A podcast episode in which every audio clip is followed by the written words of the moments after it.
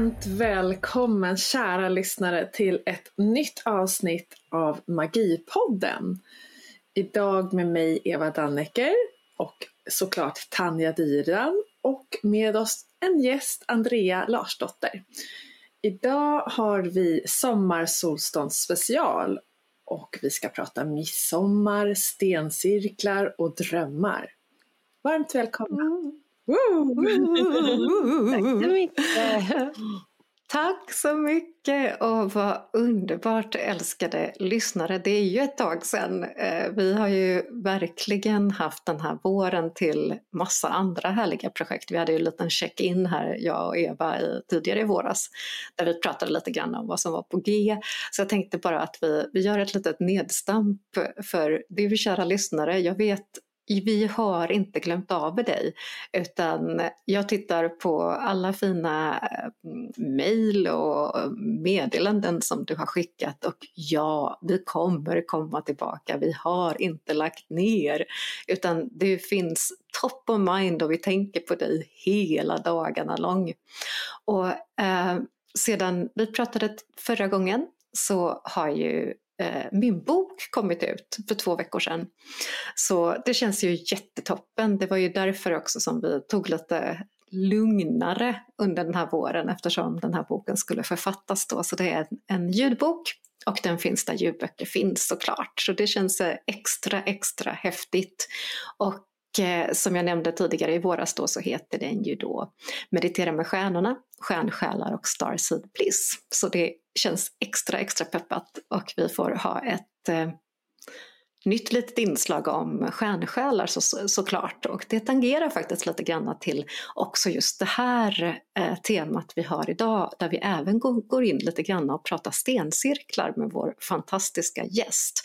Men innan vi gör det, Eva, vad har du haft för dig sen vi gjorde ett liten, litet nedstamp så här? Ja, alltså vad har jag gjort? Tiden har ju gått i raketfart. Ehm, men jag njuter av livet på gården. Jag njuter av att ha skapat stencirklar tillsammans med Andrea som är vår gäst här idag. Och vi har haft olika bokreleaser på Vattumannen och jag har jobbat lite grann med Inspire-tidningen. Så att, eh, det har varit många roliga projekt och eh, men framför allt ska jag säga att jag Eh, jag njuter av, av livet. Jag njuter av den här årstiden som vi är i nu. Det är så fantastiskt. Jag, jag har ju haft eh, lite små kycklingar som har kommit. Och, mm. ja, det, det är liksom det rullar på. Det är både liv och död ska jag säga också faktiskt. För vi har precis varit tvungna att ta bort vår lilla katt som var 17 år som har drabbats av så här äh, njursvikt som är jättevanligt bland katter. Så att eh, vi har haft begravning och vi har firat 50-årsfest och med fullt med folk i trädgården här i helgen. Och njutit av månen och ja, ja det, det är livet, livet livets cirkel på något sätt, vilket ja. också hela cirkeln och cirkeltemat är ju någonting som är återkommande också inför sommarsolståndet som faktiskt idag när vi spelar in, du som kommer lyssna på det här kommer ju lyssna på det här lagom till själva midsommarhelgen då. Men nu när vi spelar in så är det ju precis i Summer Saltage. Och det är ju cirkeln är ju den största symbolen. Både triangeln såklart men även cirkeln och lite grann den åttauddiga stjärnan. Men cirkeln visar ju verkligen att vi har gått ett helt jordevarv, solens cirkel och idag hyllar vi alltså ja, årets längsta dag med den här energin. Så det är både livet, döden, men med extra fokus på just livet. Och välkommen Andrea som är också så här stencirkelmänniska. Ja, tack så jättemycket. Kul att vara här med er igen och prata lite cirklar. Och vad har du haft för dig nu under, under den här tiden? Ja, eh, ja, dels har jag kört lite workshops tillsammans med Eva på Vattmannen på temat stencirklar. Och samtidigt så håller jag på och skriver en eh, roman. Så att jag har varit eh, dels fiktivt inne bland mina karaktärer och de, ja, de åker ju på väldigt många olika sätt tillbaka till en gammal stensättning. Eh, jag vill inte så här, spoila för mycket innan jag har skrivit färdigt men det är mm, eh, man får följa dem medan de ger sig ut på olika typer av inre resor och eh, som för dem tillbaka till olika typer av dialoger med deras eh, ancestriella arv kan man säga. De diskuterar och pratar med anfäder från flera tusentals år tillbaka i sina drömmar och sina resor. Så det, eh, det har jag hållit på med. Och liksom, ja, både på det inre planet och på det yttre planet här i verkligheten träffat människor och rest och upplevt stencirklar så håller jag väldigt mycket på i den imaginära världen och skapar andra som gör samma sak. Mm.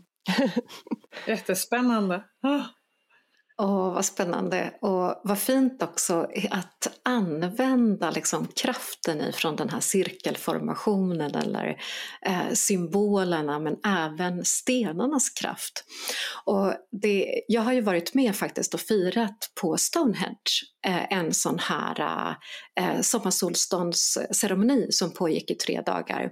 Där du är på plats, du mediterar, gör olika ceremonier och sådär. Och nu inför vi skulle sitta och podda här så fick jag ett sånt där eh, minne. Du vet, ibland så glömmer vi ju bort saker. Mm. Och sen så på Facebook så får man sånt där, eh, Tanja du har ett minne från duttan duttan ja. detta året. Liksom. Så roligt och då kom ju det här, den här bilden och det här minnet och allt det här upp. Liksom. Så det var precis som att wow, uh, och jag tänkte på det du sa också Andrea, det här med att vi har ju eh, Dels genom drömmar kan vi gå tillbaka i vårt eget sinne, alltså eget minnesbank, våra cellminnen ifrån detta livet. Men vi kan ju också på ett medvetet plan eh, återvända till tidigare liv och få kontakt också med insikter och visdomar och upplevelser ifrån tidigare liv genom då en typ av hypnos.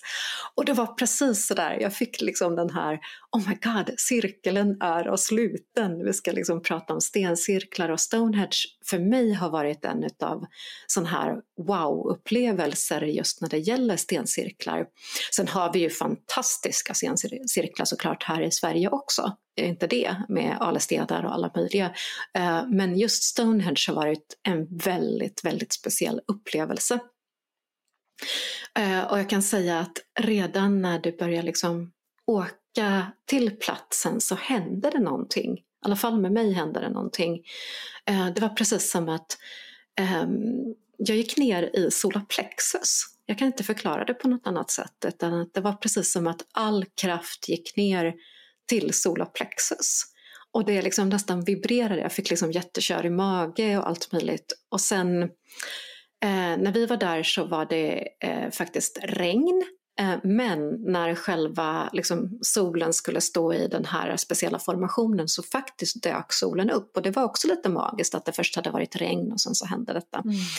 Eh, men när vi kommer närmare de här stencirklarna så hör jag alltså en frekvens. Mm. Det, liksom, det brusar på ett speciellt sätt. Eh, och jag har kollat upp lite grann runt det här med frekvensen och tydligen så har det alltså börjat forskas ganska mycket på vad är det som gör att det blir liksom det här hummandet? Det är liksom som ett aum basically, liksom, um, liksom ett sånt ljud. Mm. Um, jag vet inte, har ni varit vid Stonehenge och upplevt något liknande eller någon, någon annan stensättning eller stencirkel där det också har hört ett ljud? Ja, jag har det, men inte på Stonehenge utan för mig hände det på Ring of Brodgar på Orkney. Och där, eh, det, det, som jag fick förklarat var att det är en resonansbox, att eh, ljudet studsar när det är mycket vind så kan det plocka upp ett ljud rent, eh, att, att det tonar på något vis inuti, alltså studsar mellan stenarna och skapar ljudet i sig. Men det finns också förklaringar där det helt, att samma sak kan uppstå när det är helt vindstilla och det kan man ju inte riktigt säga vad det beror på om man nu skulle ha en rationell förklaring till det här.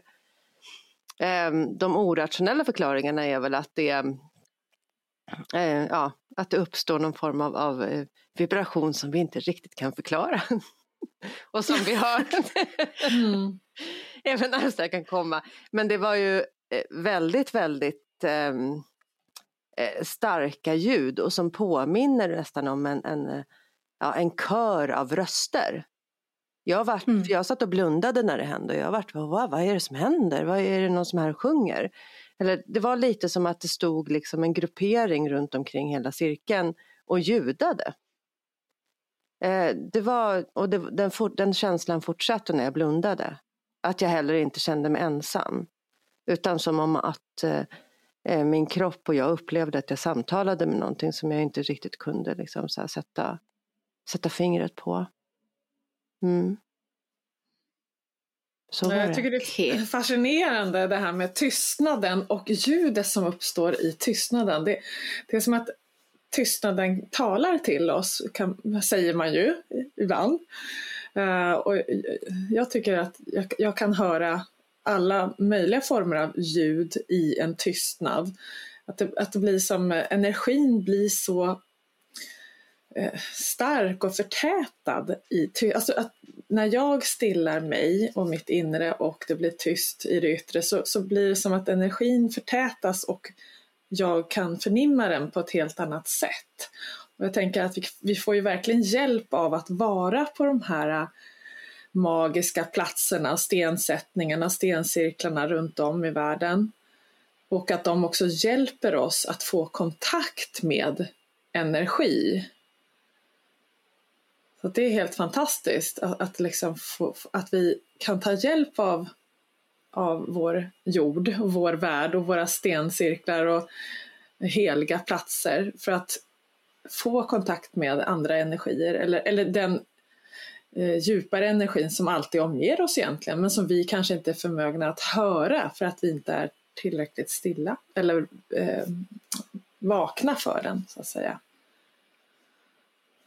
Ja men exakt. Och, eh, alltså nu har det, finns ju ganska ny forskning också, eh, bland annat Trevor Cox, en så sound engineer.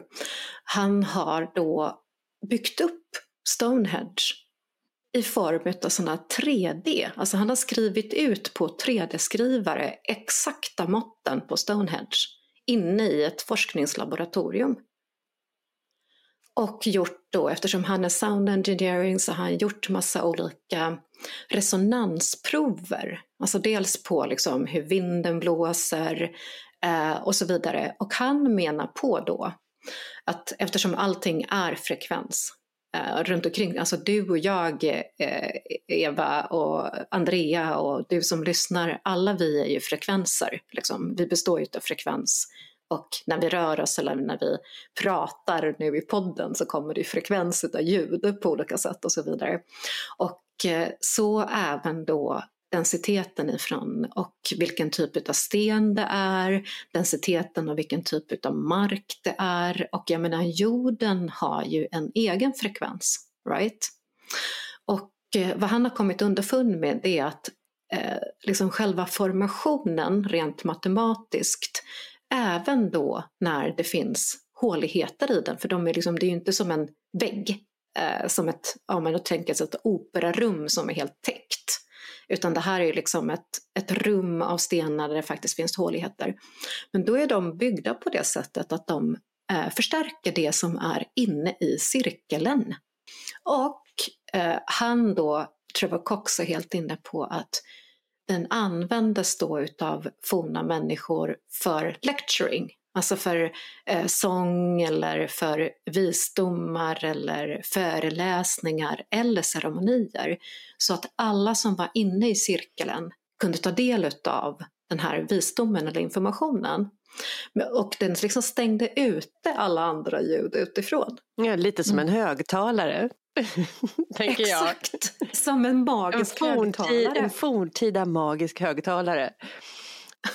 Mm. Men så tycker jag det är så spännande också att, eh, eh, alltså det här är ju en helt annan sak, men jag tänkte på det du sa Eva, det här med att i tystnaden, det är där det händer någonting. Mm. Och jag, har en, eh, jag var på en jättespännande föreläsning av en kock som gjorde sån här levainbröd, ni vet sånt där fantastiskt krispigt bröd med. Och så frågade jag liksom så här, what's up med håligheterna för det är ju liksom ganska håligt liksom, i brödet.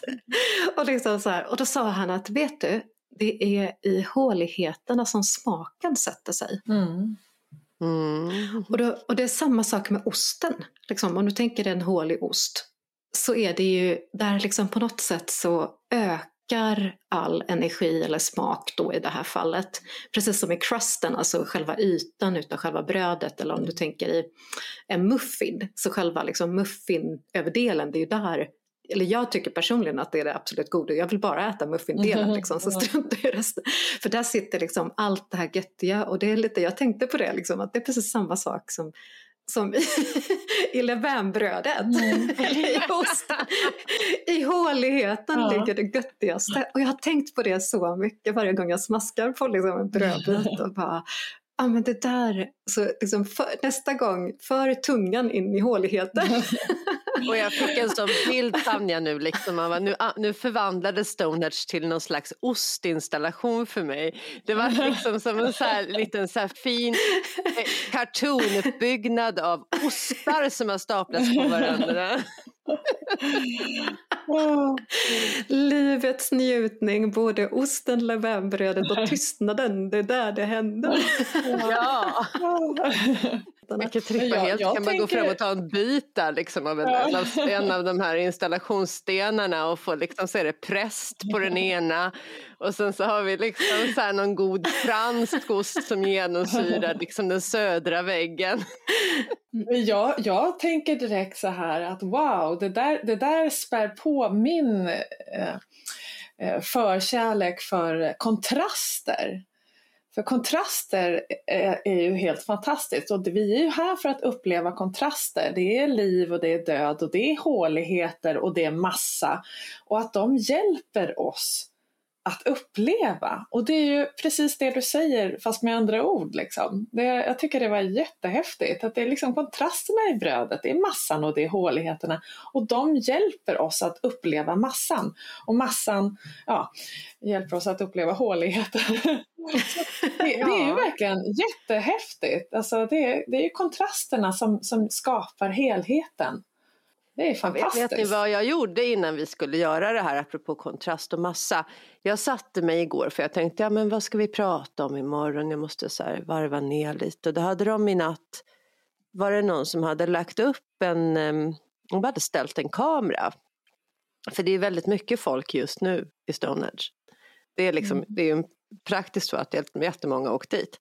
Och jag tänkte, ja men jag ska titta på det här. Så att jag tittade på videon. Um, så man kan följa, det här kan man titta på, på på nätet om man känner för det, bara söka. De är, folk är där och grejar för tillfället. Um, och då var det så mycket folk och jag kände hmm, för jag satt samtidigt och skrev lite på en av mina karaktärer, Morga, hon är själv vid en stor stencirkel i min berättelse. Och eh, det slog mig hur, hur min, mitt skrivar-jag responderade till att det var så mycket folk på platsen. Jag var nästan lite för, förnärmad. Vad gör alla där? Och sen började jag tänka, ja men vad är skillnaden då liksom? Det är ju inte som att det skulle varit folktomt om vi går tillbaka till samma tid för några tusen år sedan när man praktiserade användaren från början. Det var ju massa människor där de med.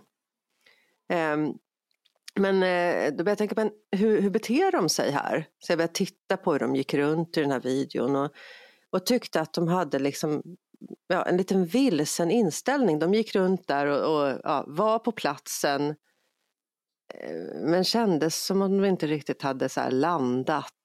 Och det här är ju min egen, alltså jag sitter och observerar andra människor, får vi ju komma ihåg.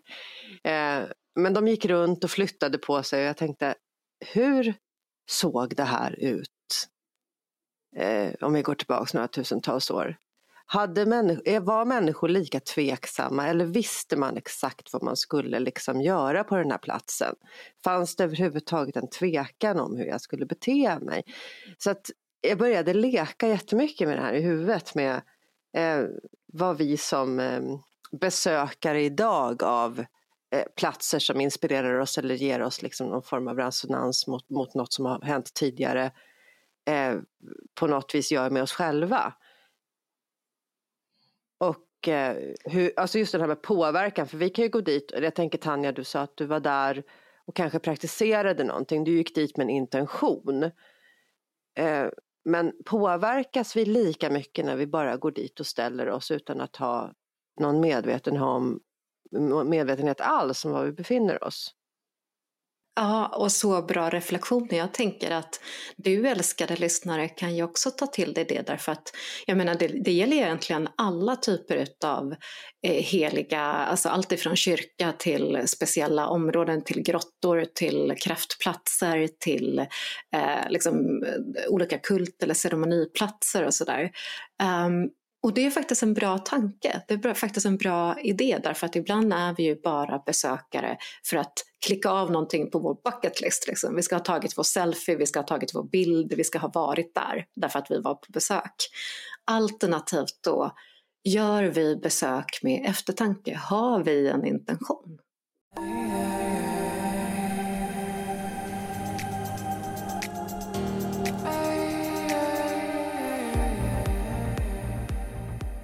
Roligaste är att jag eh, tog faktiskt reda på lite, alltså rent historiskt, hur just det har sett ut och hur man har använt den här platsen.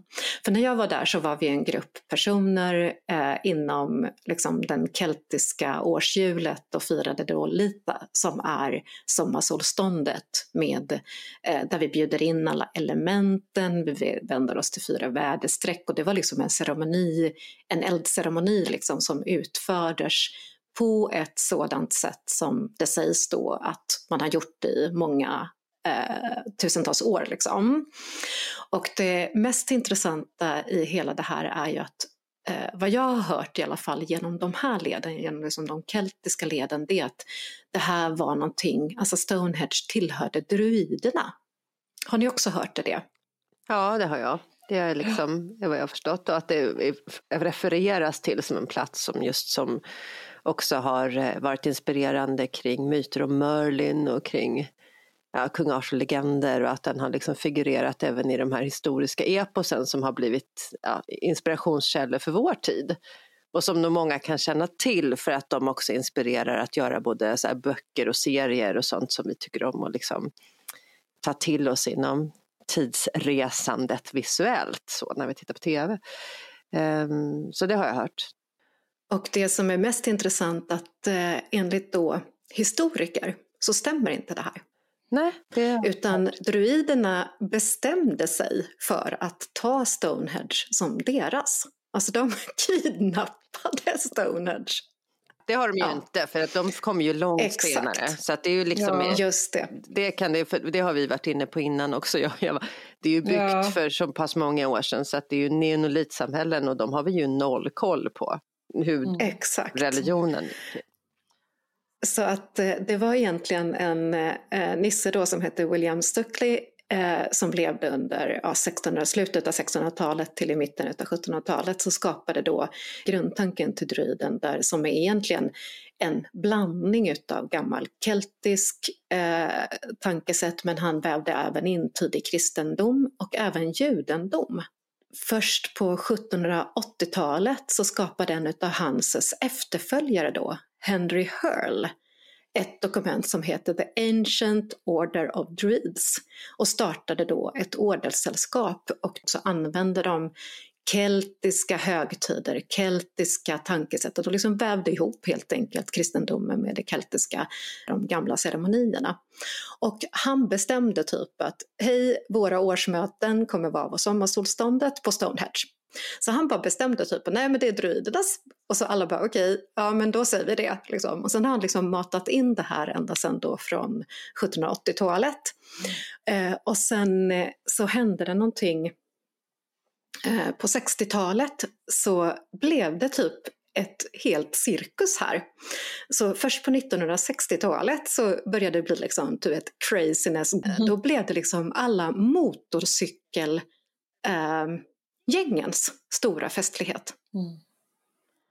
Så motorcykelgäng från hela världen åkte till Stonehenge tillsammans med då de här druidorden och alla new age-eran från 60-talet. Så det är liksom, du vet, hela det här området blev bara Alltså det blev bara sånt hopkok och ja, jättemycket folk. Hippieområde, som liknande referensområden. Alltså det är så, ja, men det, det, det här, jag tycker inte alls det är konstigt.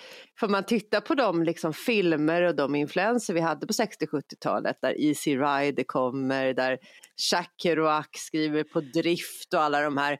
Det är ju liksom den civiliserade, alltså den, alltså den här rebellen eller vilden som på något vis alltid är förlikad med att vara den ultimata hippien är ju både i leden motorcykelgäng och liksom i ledet flumhippie på 60-talet ganska lika varandra när det gäller mm. att vara gränslösa, tänker jag. Och, och hitta ja, orsak och verkan för saker. Och sen just att de fick för sig allihopa typ att de ska hylla druiderna. Liksom. De bara oh my god vi måste ner till druiderna, vi måste liksom tillbaka till stoners, det är vårt ursprung. Ja. Så det här blev liksom, eh, alltså det var liksom flera tusentals personer vilket gjorde då att, eh, och de tog ju med sig massa sten, de liksom, du vet så hade med sig hackor och allt möjligt, skulle ta minnen och, och det här gjorde liksom att det här området började bli förstört. Alltså, och sen hade de ju fester som inte går ens en gång att föreställa sig idag. Liksom. Det jag var liksom bara party all over the place. Vill inte ni vara på en sån fest? Det låter jätteroligt.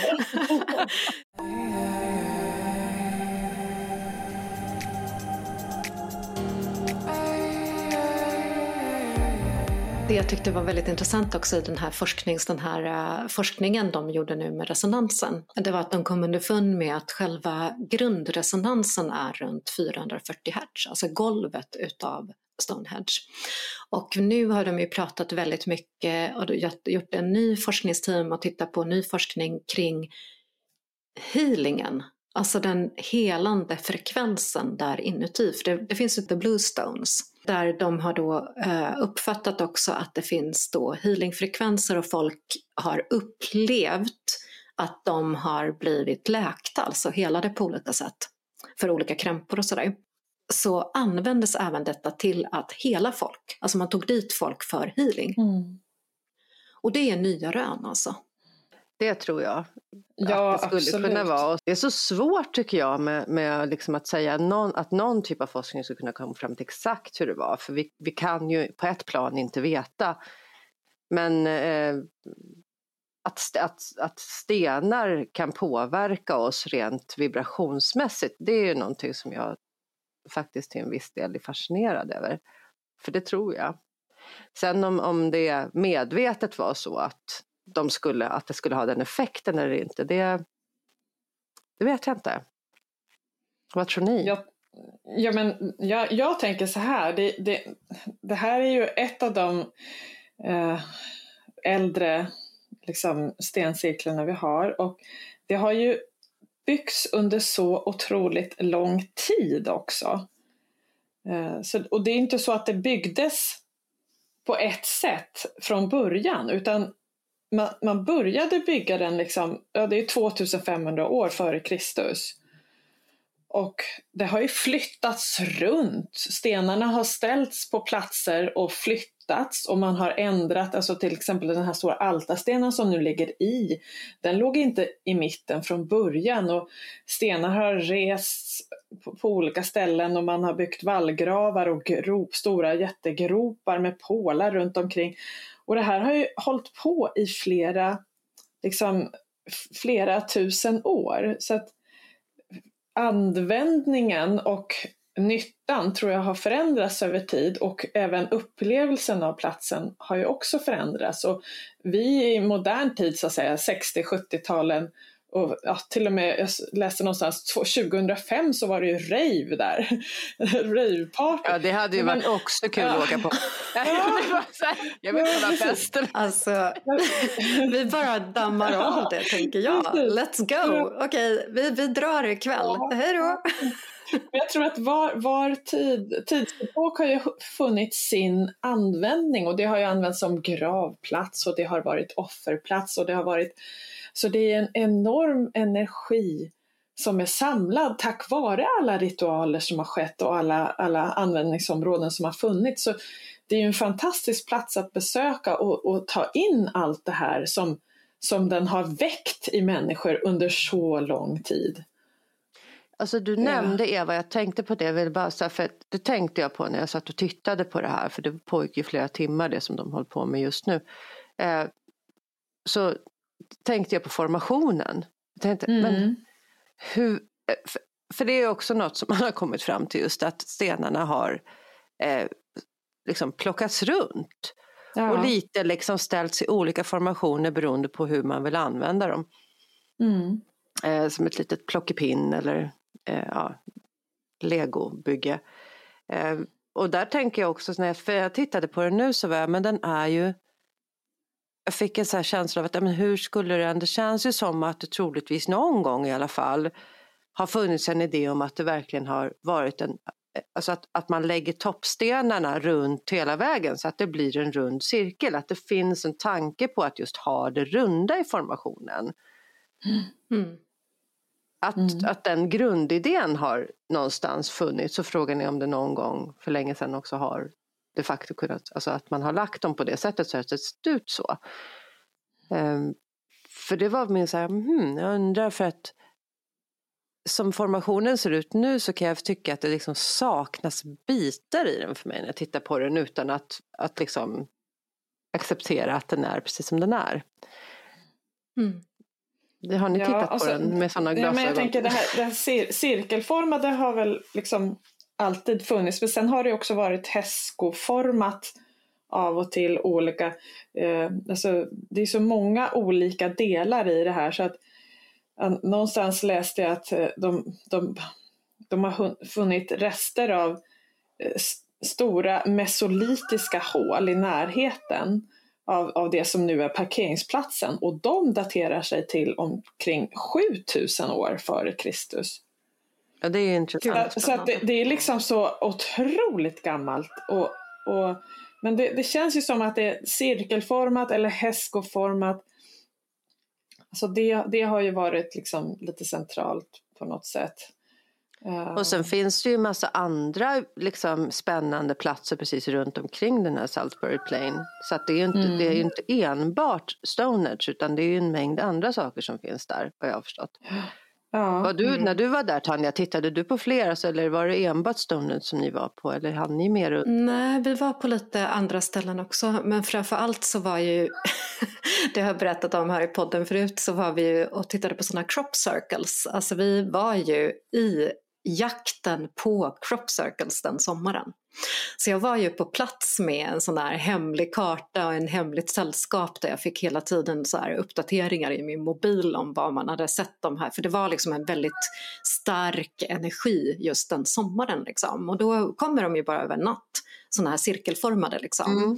Och Eh, vad det fanns även då eh, som kopplat till Stonehenge det är ju liksom att det är samma typ av matematiska uträkningar, liksom de här cirkelformerna, de här olika formationerna, de här olika, eh, vad ska man säga, eh, designen på eh, formationerna mm. påminde väldigt mycket om Stonehenge. Så det fanns liksom en så ren koppling till det också. Så det var, för min del så var ju den resan en väldigt annorlunda resa eftersom allting handlade om energi. Och, och crop circles, det ska vi också göra ett helt avsnitt om någon gång för det är jättespännande och det har ju dykt upp i Alltså, det finns till och med liksom utristat, eh, du vet i inkaleden så har de liksom ristat in den typen av bilder och det finns på andra ställen runt omkring i världen men eh, där just det här området runt Stonehenge är ett av de områden där det uppkommer väldigt med frekvens. Liksom. Men vad tror du att det är exakt? Uh, alltså det vi såg Eh, på kvällen liksom, innan när vi var och lurkade runt och sånt där. Det vi såg det var väldigt mycket orber, alltså extremt mycket energipåslag och orber eh, som jag kunde se med liksom, mina ögon och där vi var flera stycken som kunde se de här orberna. Vissa har till och med filmat de här. Jag lyckades aldrig med den kameran jag hade då att filma de här orberna. Och eh, jag är helt övertygad om att det är någon typ av kommunikation, alltså en kommunikativ eh, Eh, det är kommunikation av på något sätt. Sen vem det är som skickar den här kommunikationen, eh, det har jag lite olika idéer om men det är någon typ av kommunikation, det är någon typ av sätt att kommunicera och det är väldigt magnetiskt. tittar man på sådana här med magnetiska instrument på plats så är det liksom extrem hög magnetism som inte har funnits på plats förut. Alltså du har kunnat vara på den här åken och det har inte funnits den här magnetiska effekten. Men efter, och sen så har de ju också, det fanns ju forskarteam som var på plats och då tittade de ju på hur den här, det här kroppet, hur det här sädeslaget är liksom brutet. Och det går inte att bryta med en maskin. Det är liksom ingen som över en natt medan vi sitter där har kunnat åka omkring med maskiner. Det hade ju vi hört, det hade vi ju sett. Så, så min fokus under den här Stonehenge-grejen var liksom tvådelad. I fotspåren av the crops. Ja. och jag tvingade hela min stackars familj, min tonårsdotter som bara ville gå så här, typ och shoppa på, så här, i London och så här, springa genom. Hon bara, mamma måste vi gå igenom de här snåren? Hon var helt så här, blodig över benen. Hon hade så här, fina klänningar för hon tyckte vi skulle gå och shoppa. Och min man som är jättelång tvingade jag upp på taket på vår så här, hyrbil. Och han ser ju mycket längre än mig. Och jag bara, kan du stå där och spana? Han bara, folk kommer inte tro att jag är klok. Jag bara, skit i dem, skit i dem, vi kan köra någonting på spåren. Liksom. Så vi höll på så här. Så vi var så här, the crazy family going on liksom i England typ. Det här är jätteroligt. Jag skrattar, alltså för det är roligt, det här är så roligt för att det är också, men någonstans så, alltså det är ju fruktansvärt mystiskt om det faktiskt är att någonting bara uppstår på det här sättet och försvinner. Det är liksom någonting som inte går att förklara mm. och det är, det, det är ju en sak i sig. Men det är också själva alltså, scenerna jag får i huvudet när jag tänker mig just dialogen du har med din tonårsdotter på morgonen. Så här, Åh mamma, ska vi äntligen åka till London och shoppa? Nej, inte alltså, idag älskling! alltså det roligaste var att vi var ju på väg typ varje dag därför att vi liksom så här, vi hade massa, vi skulle gå liksom, du vet så här, åka till så här Stratford upon Avon och gå i liksom så här fotspåren utav massa olika liksom så här Shakespeare och vi skulle gå på massa olika grejer liksom. Alltså verkligen, vi hade liksom fullbokat. Men eftersom jag var med i det här hemliga sällskapet och fick så här bling bling bling bling bling i min telefon liksom så var jag så här. Och sen grejen är att det var inte så långa avstånd och min man är ganska bra på att köra bil liksom. Så jag var så här, eh, vet ni, eh, jag har en idé. Eh, om en och en halv timme så skulle vi kunna, vi, kan åka till London om kanske tre timmar därför att de, det, finns en liten avstickare vi skulle behöva göra och de bara oh my god. Och, alltså, varenda bild vi har ifrån det här liksom, semesterfirandet så ser man liksom, min tonårsdotter som är så här bara, åh orka mamma.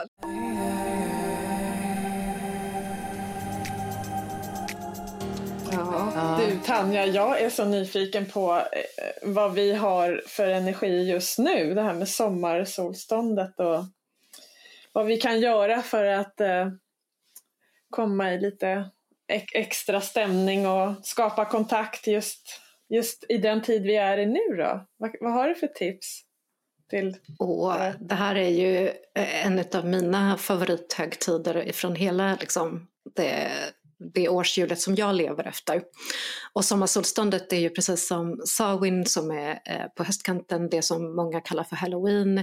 Eh, då är ju nyåret startar ju då. Och det här är ju liksom på andra sidan. Mm. Det här är ju liksom mitten utav sommaren, sommarsolståndet. Och eh, det här är ju en magisk tid på många sätt oavsett om du firar sommarsolståndet eller om du faktiskt kommer fira midsommar. Eller ja, midsommar, det är egentligen sommarsolståndsfirandet som har anammats utav midsommarfirandet, så skulle man kunna säga.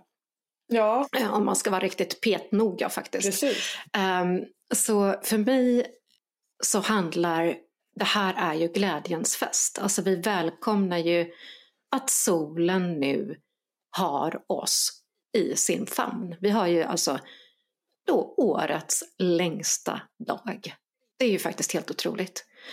Eh, och tittar du på vad solen och månen står för så står ju solen för expansion, framåtdriv, hylla din egen styrka, hitta din egen glöd, eh, skin som solen, eh, det, är liksom det glädjen, det är liksom verkligen allt det du brinner för ska du ta fram. Och det är också en manlig energi om man ska titta på yin och yang. Det är liksom själva eh, manliga yang-energin som stolen står för och guldet, guldet i livet, liksom guldens element. Sådär. Och vi har, månen står ju för det kvinnliga jordandet och den är liksom mer egentligen förknippad med eh, vintertiden, det vill säga grunda jorda, hitta återhämtning. Eh, så vad vi har väldigt mycket nu, det är ju sol, väldigt mycket glöd, väldigt mycket expansion. Eh, just det här året så går ju även solen in i kräftans tecken precis nu i samma veva vilket gör att vi får en extra kontakt med allt det som kräftans tecken står för planetärt. Och det är ju familjen, trygghet, grunden, eh, liksom hemmet. Och sen är ju kräftan också lite, inte lika känslig som fiskarna, men det är ju en alltså, känslotecken så att det är liksom mycket känslor som dyker upp. Så då kan man liksom löpa amok, börja gråta för minsta lilla och framförallt liksom så här behjärtansvärda saker som eh, små barn eller kattungar eller kycklingar. Mm. Oh, så blir det liksom sådär i hela kroppen och vi längtar liksom efter trygghet, grundtrygghet. Men eftersom vi har den här fantastiska kraften ifrån expansionen så handlar det också om att befästa våra innersta tankar om just trygghet, familj eh, och hemmet. Och inte nog med det. Da, da, da, vi har Neptunus, planeten som är extremt häftig och stark just nu, som gör, eh, och det egentligen kickade den redan igång från förra superfullmånen och fullmånen ifrån skyttens tecken, där också Neptunus blev väldigt påminnande och där Neptunus drar fram alla våra innersta drömmar. Så nu är perfekt att göra så här dreamboard, alltså så här drömkollage om vad du önskar, dina innersta drömmar. Vad vill du ska ske? Vad vill du ska kicka in? Och det är egentligen hela den här veckan Eh, fram till i mitten av nästa vecka, alltså efter midsommar, som den här energin är extra, extra stark. Så ett jättefint tips nu, det är att göra någon typ av ritual för dig själv där du gör ett drömkollage eller befäster dina drömmar eller mediterar och tänker på vad vill att du ska kicka in, liksom. vad vill du ha in i livet, vad är dina innersta drömmar? Eh, och vad drömmer du om på riktigt? Um, sådär. Och då brukar jag säga, ställ dig alltid frågan, om jag vore ekonomiskt trygg, eh, trygg i eh, hälsa, trygg i kroppen, liksom var omhändertagen, vad hade jag önskat då? För då kommer du åt den här kärnan i dig själv. Vad vill du? Vart ska du? Så det här är liksom en underbar tid och varför inte göra en stencirkel? Placera ut häftiga stenar i en cirkel, ställ dig i mitten eller sätt dig i mitten och liksom riktigt manifestera in den här, det här drömcollaget. Det tänker jag. Ja, um, vad tänkte du göra Eva? Åh, oh, vad har jag tänkt att göra? Jag, jag har tänkt att fira midsommar på fredagen den 23.